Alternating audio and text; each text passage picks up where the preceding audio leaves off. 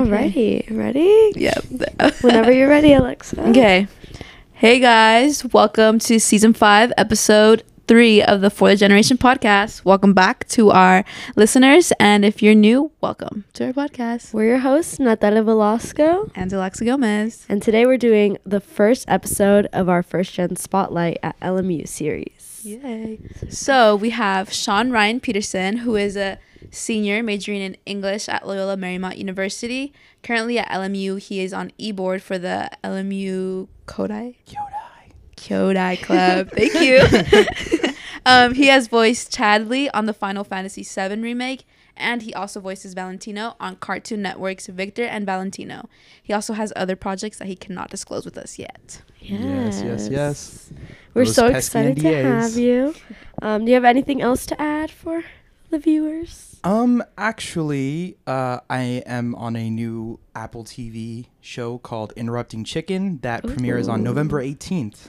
I was Oh, only recently soon. able to announce that one, so yes. That's so exciting. All right, so to start us off, how did you choose your major? Um, I had actually originally come to a Loyola to study psychology. It was something I Mm. had an interest in, uh, and it was also s- I didn't want to come in majorless. I'm sure some of you can understand that struggle. Yeah, definitely. Um, eventually, though, I kind of uh, not fell out of love with psychology, but I, I found that I really enjoyed the writing part more than like the statistics and the Mm. mathematical yeah. research part of it. So I'm like, okay, I know I like writing. I can tolerate research for academic sense. So I think I'll switch to English major and you know see if I can focus and take classes that focus on creative writing for fiction, which is what my specialization is. That's super nice. Yeah, I'm in stats right now for psych. Very difficult. Yes, I do remember stats. That was a fun class. It's, it's crazy. So, how long did you stick with the psychology major? I was technically a psych major for all of freshman, all of sophomore, and the first semester of junior. But by the time I was taking that last semester of junior before I made the switch, I was actually already taking like journalism Oh, mm, courses oh, okay. and like miscellaneous uh, general flag. Mhm. So pretty much by junior second semester, I was full blown English major. But I had finished all my course, so I'm just taking uh, English courses all the way. oh, that's Oh, super yeah. nice. Um, so how does your major tie in with voice acting? Well, creative fiction writing Yeah. is something that can also translate to screenwriting. Yeah. Um, I didn't have the chance to switch over to SFTV, but I very much enjoy it, and I I'm actually studying how to use certain screenwriting programs on the Mm. side, and I hope that Ooh. maybe if I write a book one day, I can make it into a script and then pitch it to Ooh. a studio. Oh, that's super cool. So, do you feel like you would have wanted to do screenwriting over English, or? what I'm not think? sure. I definitely think there's a lot of pros to sticking in the liberal college, Uh-huh. and that in also another sense, the English major is a little more versatile. Right. um, to all of my struggling college students out there listening to this, a degree in any field is useful. I know maybe you might think that it might not be, but I assure you, just saying that you have a degree from an accredited university will get you a job. Yeah. Maybe not in the field you want, but it will get you a job. Yeah.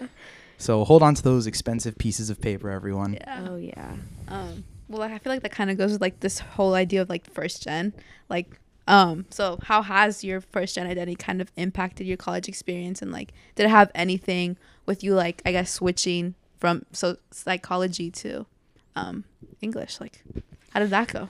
it came with its own pros and cons in a sense. You know, I came like many first gen students to college knowing absolutely nothing. Right. There's still things I discover about LMU every day and Mhm. the facilities it offers. Something I definitely feel like that could be improved upon. I, I think people need to tell their students a little bit better, either the directories to where they can find the information or just Mhm. telling them outright. Um, I also feel like some of the pros though was like everything's been very enjoyable. Everything's new. No one told me what to expect Right. Yeah. no one could tell me in any definitive way this is how it's going to be or Uh-huh. at the same sense how I guess I was a little extra nervous about switching major because I was like, oh, is that a bad thing? Do people switch majors? Yeah. I thought you're supposed to just stick with it, even if you hated a certain point, just get the degree in it. But I'm like, no, it's, you know, it's learning in a very special kind of sense. It's, you get over things and you learn things that no one can really verbally tell you. I even feel like families who've gone to college for generations can't perfectly explain to their son Mm. or daughter or their they them all my non-binary pals what they could expect going into college Right. and that's what i think is also special about the first gen experience because now you also have that knowledge you can uh, tell future generations, your Mhm. own kids. Yeah. And if not, then you can just tell them, buckle up, son. It's going to be a ride. Do you think your first gen um, identity impacts your career at all? Your voice acting? I'm not quite sure. I mean, I am the first gen in my family to kind of go into the voiceover industry in a Right. sense. Um, I'm definitely going to offer that to my kids. I think it's a great industry, and I would love for them to explore that creative side of them. Um, and if they don't like it, then that's okay.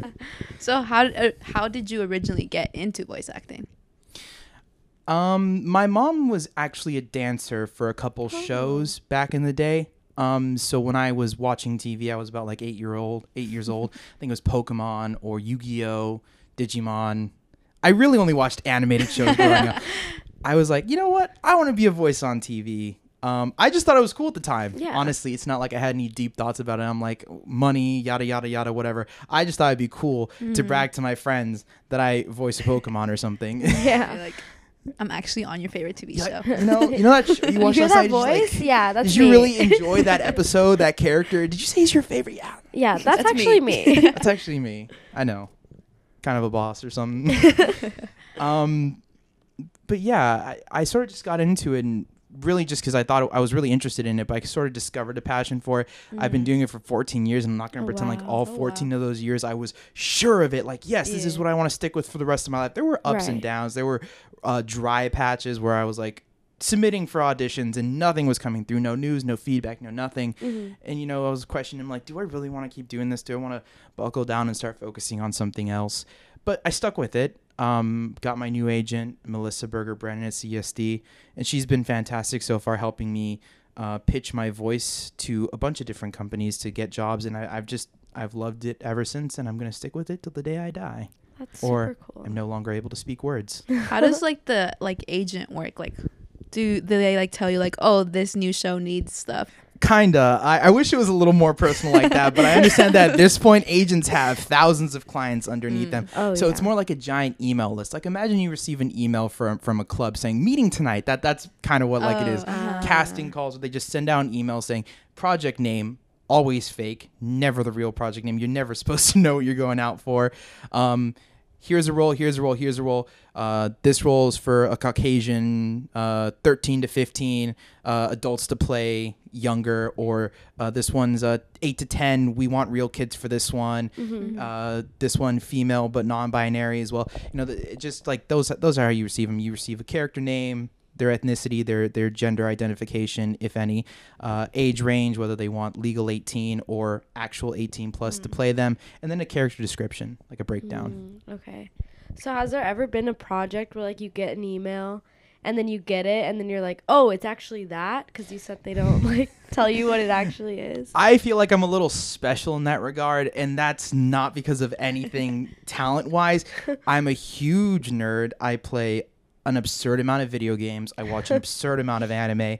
So by reading words in it, like I'm like, oh wait a minute, that's a very specific reference that has no other place it appears except in this game I played. I'm like, oh, I'm able to recognize this. Actually, even when I auditioned for Chadley, I'm like, okay, these words are a little too specific to only one series that it could be from. So you can kind of like pin it out. and, like, Yeah. figure it out. I think that's a special advantage in my own regard because once you know what something's from, you can kind of like watch or read or consume that media to be like, ah, this is the vibe. This is how all these other actors are playing these characters in a very Right. certain way, certain tone. So I can match that for my read than just uh-huh. completely flying blind. But that's only because all of my free time outside of voice acting at school is spent consuming anime and video games. Yeah. So I know most of it's like animated and stuff, but like, have you ever thought about like singing for characters? I have, and I, I do receive breakdowns occasionally where they ask for singing. Um, let's just say I'm taking lessons. Oh my gosh, actually? so do they like That's make you? Yeah. cool. Do they make you like sing on the spot? No, well, all this is recorded and sent in, so kind of Oh. technically on the spot. Sometimes Uh-huh. they'll send you like original songs, or they'll just ask you to sing a chorus from some popular song at the time. Uh-huh. And I have to be very selective with it because it's difficult. Normally, you have to have like a character voice, and then you have to sing in that character voice. So not only do you have to learn how to sing, you have to be able to modify that singing to match certain characters, which also even if you just can't change your voice, your singing voice to that degree, at the end of the day, you're just gonna read for one type of character Oh and only sing for one type of character. Yeah. What about like actual like acting? Like, what you think about like not doing like characters maybe, but like yourself as an act actor? There are definitely times when characters I've auditioned for were basically just me pitched up. Mm. Like Valentino, he's pretty much me as a kid. He's that uh, schmarmy know-it-all. Even if he's wrong, he'll die on the hill that he's right sort of kid. Um, screaming high pitch, like it was always a joke on set that uh, with every episode written, we become one. as as basically my own sense of humor started to bleed into the way the character was written by the by the uh, storyboard artists, which we were a special show in that regard. Storyboard artists, in conjunction with screenwriters, were the ones who were actually writing the scripts for the show, Right. which is actually a very unique creation process for Victor and Valentino. Uh, I haven't done another project that was ever like that, to be honest. But yeah, there are times when I look at a character breakdown, like, oh, this is just me, either deeper or higher pitched, or my normal voice. Uh, do you feel like it was easier for you to voice him because you resonated with the character more, or I think it certainly became easier over time. I'm not going to die. Uh, I was a little nervous. Um, Uh-huh. I had been coming out of a dry spell, so I hadn't done a, a job for a while. So I'm like, okay, this is a job. It's an ensemble cast, which means I'm in a room full of experienced voice actors. Mm-hmm. I'm like, I just hope I don't fumble the bag. so you filmed with a bunch of other people? You're they yeah, we were we were in a booth up to five of us at a time, sometimes wow. more, and we would just like share mics. It was actually Oh. really fun. I, I, in another sense, I've never done another job like that as well. Uh, it, blew me away because of the kind of people we brought onto that show. These people like voiced my childhood. I, I Oh, worked wow. with Tom Kenny. He came on the show. He's SpongeBob. Oh my gosh! Um, Oh, wow. D. Bradley Baker, he king of monsters and creatures. I'm pretty sure there's less shows without his name on them than there are more wow. uh, there have just been so many people that came through that door that I'm honored to have worked with, and like they blew me away, and I fanboyed in front of them. It was like, Would they ever like do the voices for the characters you knew for you? I mean, I always felt bad asking them to do that. There were times I'm like, hey, can you um, if it's not like too weird, or anything, just like do this voice, and they're like, yeah, all right, sure. And I'm like, oh, When like these people talk, would you be able to like figure out like, oh, you're SpongeBob? Like, Oh, you yeah. hear it in their Instantly. voice? I didn't even have to Google their names. Like, ah, yes, I know who this is. Girl, that's Um, him. there were definitely times though where, where I would still Google them anyways and be just surprised at just how many people these guys have played, these guys and gals have played from Uh-huh. my childhood. I'm like, oh wow, I played that game literally last week, and here you are in front of me now. That is crazy. It was, it, it- I, I, I think there is situations where you can meet your heroes, and I, I definitely don't think that such a jaded take to say never meet your heroes. I'm like, no, no, people can be good too, and they can be Yeah. fantastic and talented and respectable individuals in your career path, and you know. I've learned a lot from just being in the same room as them. Is the voice acting industry small because these people play so many characters, or what would you say? I'd say small is extremely subjective. Mm-hmm. I definitely feel like once you established your name and you start working Mm-hmm. for multiple companies and these and you you've met a bunch of casting directors who are like, yes, I know what this person's capable of, Uh-huh. and therefore I'm gonna skip the casting process and just say I'll book this person because I know they can do this character. Right. So in that sense, it's small that the most well-known names are a small handful. Uh-huh. Um, especially when you start breaking up archetypes, like oh, creatures. There are like three extraordinarily well-known creature voice actors that you'd call upon, Uh-huh. or like oh, rough tomboy soldier. There's like certain actresses who easily play that archetype, and that they're called upon immediately. Especially for anime dubbing, anime dubbing rarely sees a ton of auditions for them. From what I've heard, it's a very tight knit community. Once you break into it, and those people in those circles start knowing your name, they're like, okay, instead of casting, you know, like I said, just skip the process Yeah. and call that person in. Uh-huh. But there are a lot of aspiring voice actors. Um, there are a lot of people who just haven't had their chance to get their break yet, and you know, for a while I was one of them. So you know, like, I know I know what it feels like. Uh-huh. And even though it's small, they all treat each other with such an insane level of like mutual respect and kindness, and like mentorship to one another because everyone's done something that no one else has has before. Uh-huh. That it's just like it's really chill. So it's not like a super. Even though you are literally competing with someone for that role, it's Right. not necessarily competitive in the oh when you shake their hands you wish upon their downfall type of vibe. You know? yeah, yeah. yeah. Yeah. So could you explain a little bit more about like the process that you like go during like recording? For like auditions or work. Work. Uh, work, yeah. for work. Well, I usually listen to my audition tape for the character if that's what got me the job. Uh-huh. Uh, sometimes I do an audition and it was so wildly different from what they ended up having me do once I got in the booth. Like when I first auditioned for Chadley from Final Fantasy VII, uh, it was an extremely strange circumstance because I had later learned that uh, I was booked off a British accent, which the Oh. character does not have. so I thought that was absolutely hilarious, which is why I'm like, ah, yes, I can't use my audition as a reference for going into work because that's so far off the cuff of what they actually hired me to do. Um, but they just heard that I was able to hit those youthful pitches that they wanted for the character, so that's why they ended up hiring me for it, despite the fact that I submitted an extremely strange audition. You did a British accent for that one. I did. I did a British accent for that one. It was actually um, Last year we would like do British accents, but we would like Very break into often. them. just Very break into them at random. We're not very good No. at it. Um, no. Except um, Chadley was a little more higher pitched, very smarmy, very intelligent. Um, that's crazy. He would sort of speak with this know-it-all attitude, but it was so kind with such a smile that no one would ever like hate him for it. It was interesting. But you know, That's that's not what they wanted when I walked into the booth. I'm like, all right, guys, I'm here to do my job. I'm like, no, no, no, no, dr- They're drop, drop, oh, drop oh, that, that off, drop that that, drop that. I'm like, okay, okay, okay. So how long are like your hours? Like when they're like, okay, you're coming in today. How long are you working? Typically, sessions are about four hours. Oh, wow. Nine to one, three to seven, six to ten. Um, for yeah. Yeah. Six to ten is pretty late, uh, especially when I have to drive back from Burbank, which is usually where I record my Oh sessions. wow. Um, yeah, it's usually four hour segments though throughout the day. It entirely depends on the studio. Mhm. I know sometimes uh, studios are like, we really need to bang this out, so I'm gonna have you stay for like six hours, Oh jeez. and I'm like, oh, that's fine. Yeah. I mean, it, there's a limit to how long they can keep you on set, not just by law, but by like a, a sort of sentiment of like, yeah, your voice is probably gonna start giving out by hour four. No, Maybe yeah. we should just let you go because these next two hours might have like next to null usable tape. So yeah. It- So how was the process? Like, how long were you recording for the Victor and Valentino? Like We were was that? recording for several years, um, but we were doing four hour sessions for that as well. Normally in the morning though. Um, so I was going in at like nine, nine to one. Mm-hmm. Those were typically my hours for Victor and Valentino. Although it became a lot more sporadic and all over the place during well, COVID, Right. the right. the great black plague of 2020 and 2021. Do you like take breaks in between like filming like these four hour sessions or is it just like straight up you like You're talking in the, the whole time? we have like five minute breaks, Mm-hmm. 10 minute breaks. Um, for Chadley, it's a little more arduous in the long term because his lines are very eloquent and use big multiple syllable words. really putting my English major to use there. See crossover between There career and my major. I'm like, I know what these words mean and how they should sound. See degree degree being put to use, everyone. I'm I'm proof in the pudding.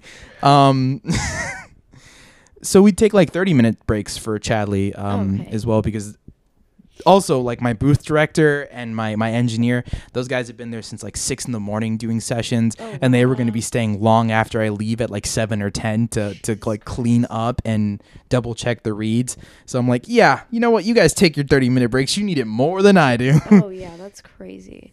So how was voice acting during COVID? Like, how was that for you?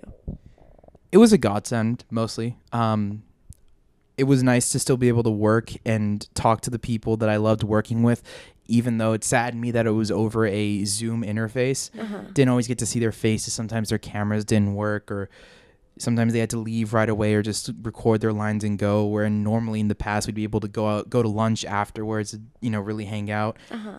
but um, it was still a godsend because I was so happy to be able to talk to these people and see these people. It was you know like one of my few anchors to um, a past I didn't know how long it'd take to get back. You know, Yeah. COVID was such an uncertain time. It like, when's the vaccine going to be made? How long is it going to be? Is it going to get worse? What if it mutates? It was really like a doom spiral, like scrolling through Twitter on any given day. Oh yeah. Um, it was just I really enjoyed it though. Although there was definitely the scramble at the beginning to like get the required pieces of technology to film because you can't just like uh grab one of these fancy microphones we're recording this podcast on and uh hang it hang it in your closet and hope that it sounds good. yeah. Uh, I had to buy some crazy microphone called like a Neumann U87 some German, Belgian, Swedish company.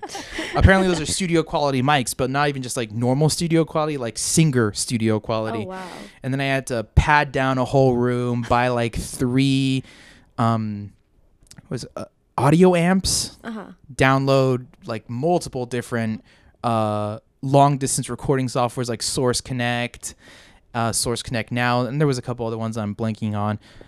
Maybe it's good that I'm blanking on it. Block out those memories. uh, and it was just it was interesting though. But I, I I also learned a lot. It was an opportunity to learn how to be an audio engineer. Um, Because the world, uh, in a sense, will also never recover in a certain way. Working from home for all industries has become like a new sort of standard for people Right. and like people can look for jobs that say i would like to work from home and there are companies that are offering that because in its own way it's more efficient Right. Yeah.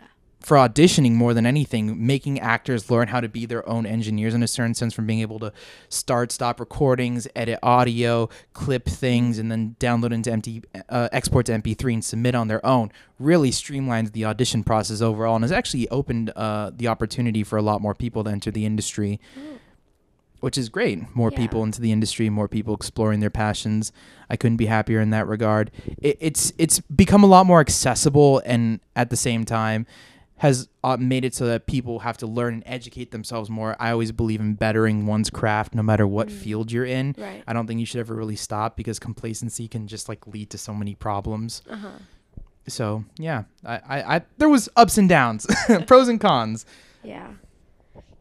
Um, this is kind of off topic, but like, are you able to like visualize the characters like when you're like in the mode and yeah. Like, recording? what's your thought process? Like, yeah. Sometimes you're given like actual character drawings and you're able to just like mm. ah yes there it is. Other times it's a mm. little more difficult. I think when i really hit my stride is when i have a good breakdown. Maybe i do or don't have character art but i can start to picture what this character looks like. Uh-huh. I think even the better part is when you do have character art and you can almost like imagine what's happening in the scene. Mm. Oh yeah, yeah. When you're doing those lines like oh okay is this character fighting? Do i need to make extra noise? Like obviously you have the line but the line is ambiguous. It doesn't tell you oh make an effort here. Sometimes it does sometimes it doesn't. And um i've actually gotten jobs off of the fact that i did breaths when i was supposed to be running in a scene or making grunting noises when i'm supposed to be uh, fighting or doing arduous movement in a scene you know there's there's there's there's bringing a character life and then there's bringing a character into a mo- into motion Right. and becoming a character. It's not just about like ah, let me put on a mask and play a character. I think um, that's the first step. I don't think that's the wrong step. I think it's the first step to becoming a good voice actor and actor in general, whether it's on camera or otherwise. I think there's then then, then there's becoming one and the same. And if you're able to imagine vocalizing and what that character is doing in that scene, then you are just as much them as they are you in that kind of sense. Has there ever been a character where like you imagine them in your head while you're doing the voice acting and then you see it and you're like, that's exactly what I thought it was gonna look like? Yeah, um, definitely. When I was doing uh, my audition for Valentino, there were a couple lines where I'm like, I can see exactly what's going on here. And then when I finally got anime, I'm like, yeah, that's You're like, that's "I right on par right actually. on. And I was like, yes, yes, vindication. Um, so how is it like when all like your recordings done? Like, how is the premiere experience like? Like, was there premieres also like COVID? So Oh yeah. Final Fantasy VII didn't exactly have a premiere because it's a dub job. Dub Uh-huh. jobs sort of operate differently. Obviously, there's prestige that comes with dubbing Mm-hmm. a project like that, but it's much bigger in its home country where it's made. So Ah. I'm sure there was a lot of more touring for the Japanese voice actors Hmm. back home in Japan for the Final Fantasy VII remake. A lot of us just posted saying it's out on Instagram. Uh, which I don't mind either. I, I love the project and I'm happy to support in whatever capacity I can. Mm-hmm. Although I'd love to do panels for it. Um, but for Victor and Valentino, we had like a whole premiere party. It was amazing. One of the happiest memories of my life. Um, we just went to this bar. Uh, I was the only one under 21 there. Everyone was offering me drinks. It was it was hilarious. Um, didn't drink any. I'm a good Christian boy. Don't don't get mad at me, Loyola Marymount University. Uh, and it, it was just meeting all the storyboard artists, all the directors, the producers, all the CEOs behind it, just to see all the people who were behind this project in Run Room, who believed in it, who supported in it, mm-hmm. who helped brought it to fruition from an idea from one man, Diego Molano, boss man, best buddy, mm-hmm. to to being able to put like m- to animate it, put voices on it, and then release it to the world was it was a special experience. That's really cool. Um, do you have any other career plans or aspirations, or is voice acting the end all be all for you? Voice acting is not necessarily the end all be all. I Mhm. definitely hope to one day pitch my own show. If not, at least write a book and then work on pitching a show. Uh huh. Um, definitely want to work a variety of jobs. I kind of maybe want to one day actually move to Japan if I can learn to speak the Japanese language well enough and do sub jobs, you know, join that community, that voiceover community. But yeah, Do you know how to do a lot of different accents? Like, how many accents can you do? And do you want to demonstrate for us? we got the British one already. uh, British is probably the best. I'm still working on all the other ones. Um, yeah, nah, no, no. the accent's done well versus the accent that I know Yeah. uh, is is very very different. It's pretty much just British, but uh, part of why I'm playing D and D so much is to work on uh, developing those accents.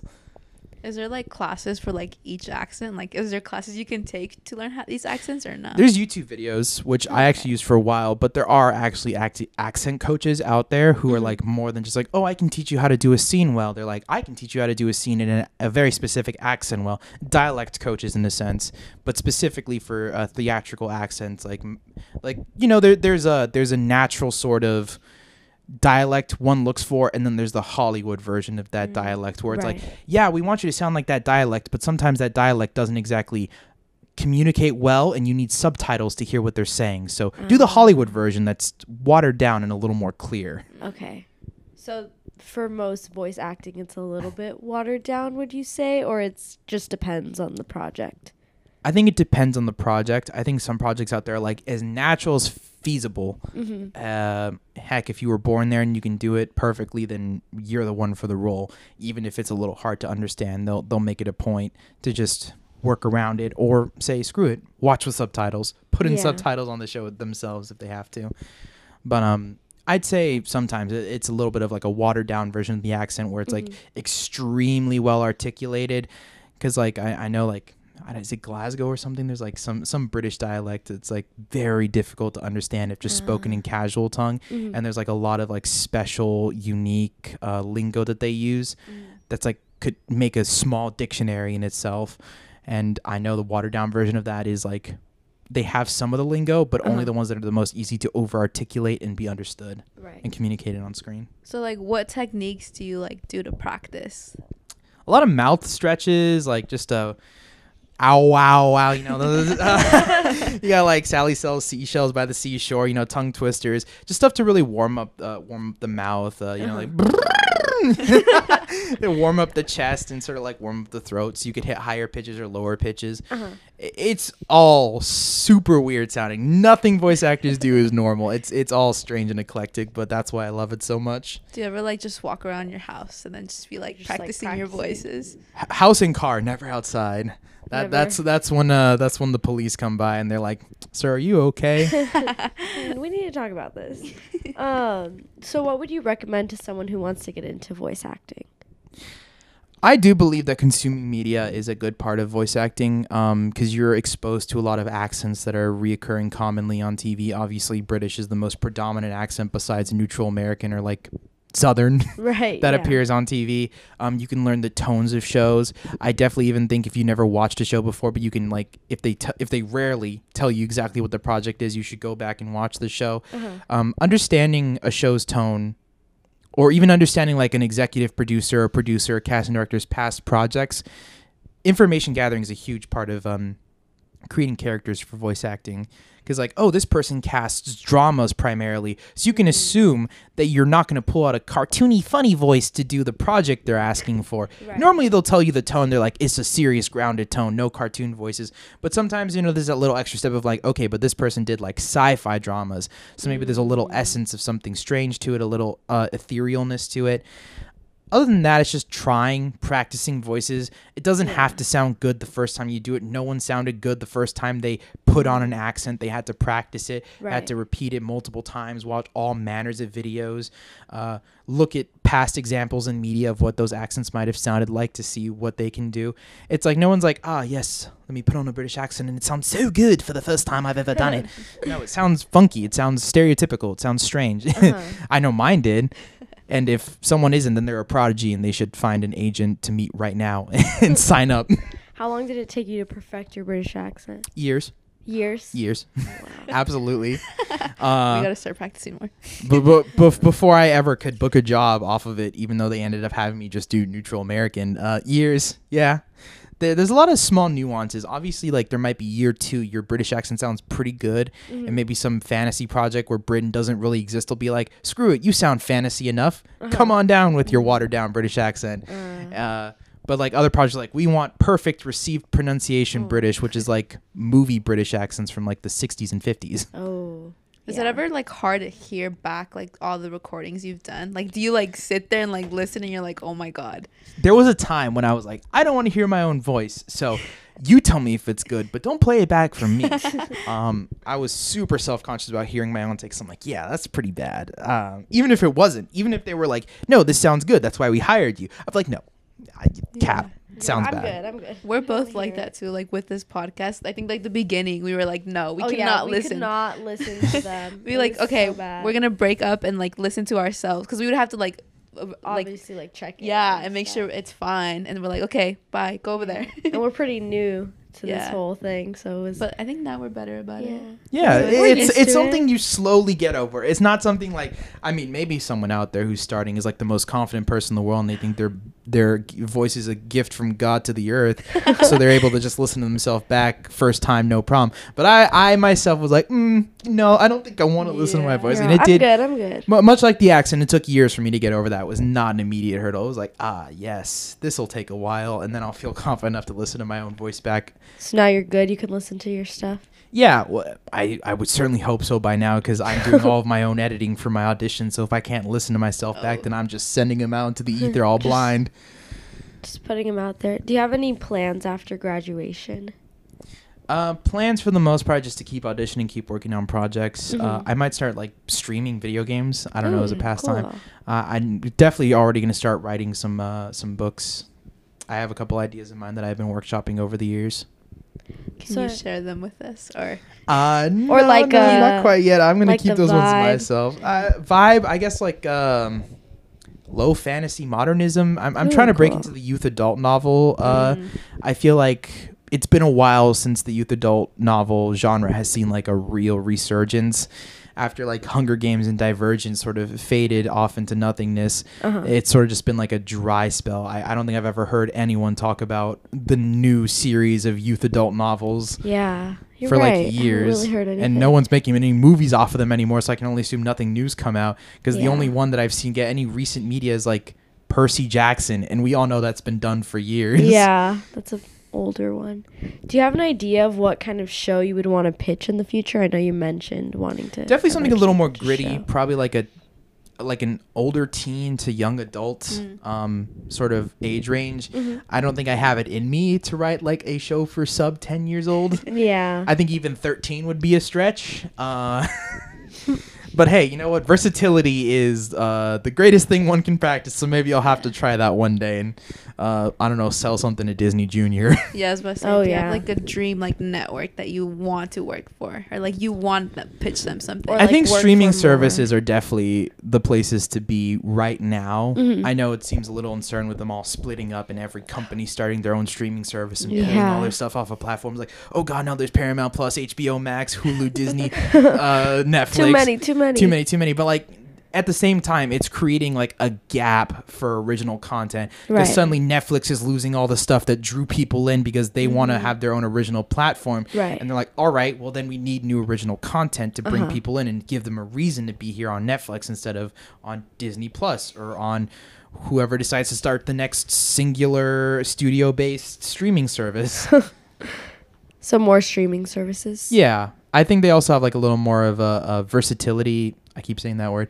A little more variety in their willingness to like take on projects that could fit multiple age ranges, not Mhm. more adult. Because obviously, when you pitch to certain studios, they're like, "Okay, thank you for this like kind of semi-gory, semi-adult show, but this is uh this Nah. is Nickelodeon Junior."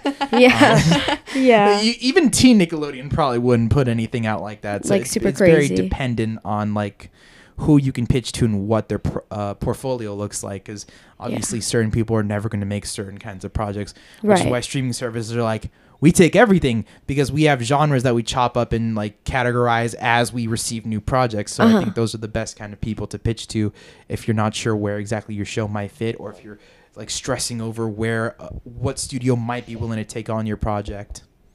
So how do you like pitch ideas? You just like show up to their offices or like I mean, personally, I have never done it myself yet, Uh-huh. so I don't know. But what I imagine it's like is like anything in my industry, which is it's a very relationship based business. Ah. So I think meeting people is the key to success as much as your own talent and willingness to hone your craft. Because once you meet those people, they're the kind of people who either cast you immediately or like, oh hey, you're a great voice actor. I know you're a hard worker and you're diligent. You're telling me you're a writer now and you've got a show you want to pitch someone. Well, I know an executive at this studio who would be willing to listen to this pitch, who would probably also be able to get another board of executives to sit in a room with you and hear you out. Uh-huh. So it's very much like what I would think, or at least how I would go about it, or how I think it's probably done is. Right. is- I know there's projects though. My, my my boss Diego Molano for Victor and Valentino told me there was some sort of Cartoon Network pilot program where they would be taking on um, storyboard artists to pitch shows in the eventual, Oh. and they would give them a chance to make a pilot and post it to their uh, respective channels on YouTube and see how well those pilots did. It would be like a Oh. test text program Right. because instead of running it on their mainline channel like oh let me announce this set aside a time slot for it see how many times i'm going to run it see how many people tune in. It's a little more like erratic and not uh, exactly a perfect science. Right. limited sample size on who's awake in what part of the world at that time. Yeah. it's better to just be like okay we got a youtube channel. We're going to announce that it's on this youtube channel. And if enough people watch it and show interest in it enough positive comments enough positive enough, enough likes to view ratio then we're going to be like all right this show is worth giving a green light to make a full series Ah, that's really interesting.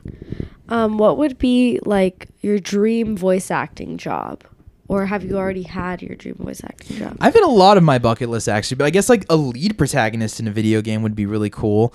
Um, definitely video games and uh, cartoons, like especially from Cartoon Network, were like the shows and games I would be watching growing up, playing growing up. So if I could be like a lead character in a video game, that would be awesome. But like I've already been a protagonist on a Cartoon Network show, so that was actually a major goal of mine. Uh-huh. Uh, little voice acting bucket list scratched off on that one. Um, just more jobs. the dream of every voice actor. Yeah. um so you've been doing voice acting for 14 years, correct? Yes. So have you ever like felt um like this imposter syndrome, like this idea of like you don't belong like in this industry? Or oh, the voices in my head. Uh, no, no. I like I said during those dry spells, you feel a little like iffy. Like I was saying, I, I felt a little out of place. Like maybe Mm. maybe I don't have it. Maybe I don't have the talent. Maybe those few jobs I've worked were just those lucky cases where I was the perfect fit for the role, and I don't have enough vocal variety. But there was a lot of circumstances going on at the time. Mm-hmm. I definitely would have said I doubted myself in the moment, but I had never intended to give up. And it wasn't even like a matter of sunken cost fallacy. It was that I just loved it too much to say that mm-hmm. I was willing to let it end. Right. Like the conversation was had many times. Like if you want to stop, you can stop. If it's just making you feel sad, then every time you don't get a job, then we should just stop. I'm like, but no, I don't feel sad. I just feel a little frustrated. But I don't want to stop either. I think Right. I think that'd be pointless. I think I I know I love this industry and I know that I want to do more jobs, do more work, break into more things, and expand my vocal variety. And I don't want to stop. I don't want to give up. I think that that that just be unfair to myself. right. so would you rather be like known for voicing like so many different characters or just like one character and be like everyone just knows you from that? I think variety is the spice of life. I think I'd love to have a bunch of characters under my portfolio, but hey, if in that journey to voice as many characters as possible, one stood out amongst all of them, I would not complain. Okay. If everyone's like, I love this character more than any other character you've ever done, and this is the only character I'll really remember you for. And mm-hmm. if I ever come up to you at a con and ask you to sign something, it's only pictures of this character, I'd say, hey, thanks for being a fan. Yeah. Have you have you met anyone on like on campus that like recognizes your voice or like Or, has like, that ever your- happened? N- only if I tell them. Never right away. I Uh-huh. mean, I I did uh, when I when I first came to LMU. I like joined a bunch of like group chats and stuff. I'm like, hey, I'm Sean. I voice act. So every now and then I'll have someone walk up like, oh, you're the voice acting guy. I'm like, yeah, it's me. Yeah. Yeah. That's me. Hey. Are there other voice actors that you've met that go here or no? I think you're the only one. No, I do have some friends who are in the industry who have come here, like uh, Gabriella Pastore. Uh, but other than that, I think I'm primarily uh, she. She's done some voice acting as well. She was in a Resident Evil game. She played a, a little girl. I don't know if she did anything else after that, but she's lovely. She's super nice, uh, super sweet. That's really cool. But yeah, I think I'm probably, and if not, I haven't met anyone else who is open about it or has talked about it. Uh huh. But yeah, I think I'm. I haven't met another voice actor on campus. Yeah. You're the, the only one here. The soul s- standing alone. Because we're in LA, I feel like there'd Yeah. be more of a concentration. Maybe it's not as easy to like recognize people. Oh, true. 'Cause, Like For voice acting, it would definitely be a little difficult. If someone never said what they were until they did the voice and you know the project well enough, even if they did the voice in front of you, you'd be like, "Oh, that's a great imitation." Oh, cool. that's Sounds so fantastic. You must really love that. Really love that piece of media. Then, if you're able to do that voice so well, like, Actually- yeah, actually, I, I do. yeah. Well, I think that's all the questions we have for you. Thank, you so much Oh. for This was so agreeing fun. to interview with us. Thank you for having me. Of course. Uh, thank you for listening, watching. To all of our listeners, our generators. Oh wait, do you want to plug your socials? Oh yeah. Oh, uh, sure. You can follow me on Instagram at Sean Ryan Peterson. I spell Sean the correct way. It's S E A N R Y A N Peter S E N, not S O N. I am also Irish, so Ooh, that's the correct way of spelling Peterson. Yeah. You know where to find us for the Gen, TikTok, YouTube. Instagram. Um, do you have any projects you want to plug? Uh, I'll just replug the one I did at the beginning. Yes. Apple Yeah. TV's Interrupting Chicken. It comes out November 18th, so two days. Ooh, Yay. exciting. Okay. Well, yeah. Thank, Thank you so you, much for listening, everyone. You know where to find us: Twitter, Instagram, um, TikTok, all the social medias. You know, all of them. Yeah, all of them. Apple Podcasts, Spotify, wherever you're listening. Google Podcasts. Okay. Yeah. Thank, thank you. you so much. Bye, guys. We will see you on our next episode. Godspeed. Bye. Thank you. Bye. Thank you. Yeah, That's thank fun. you so much.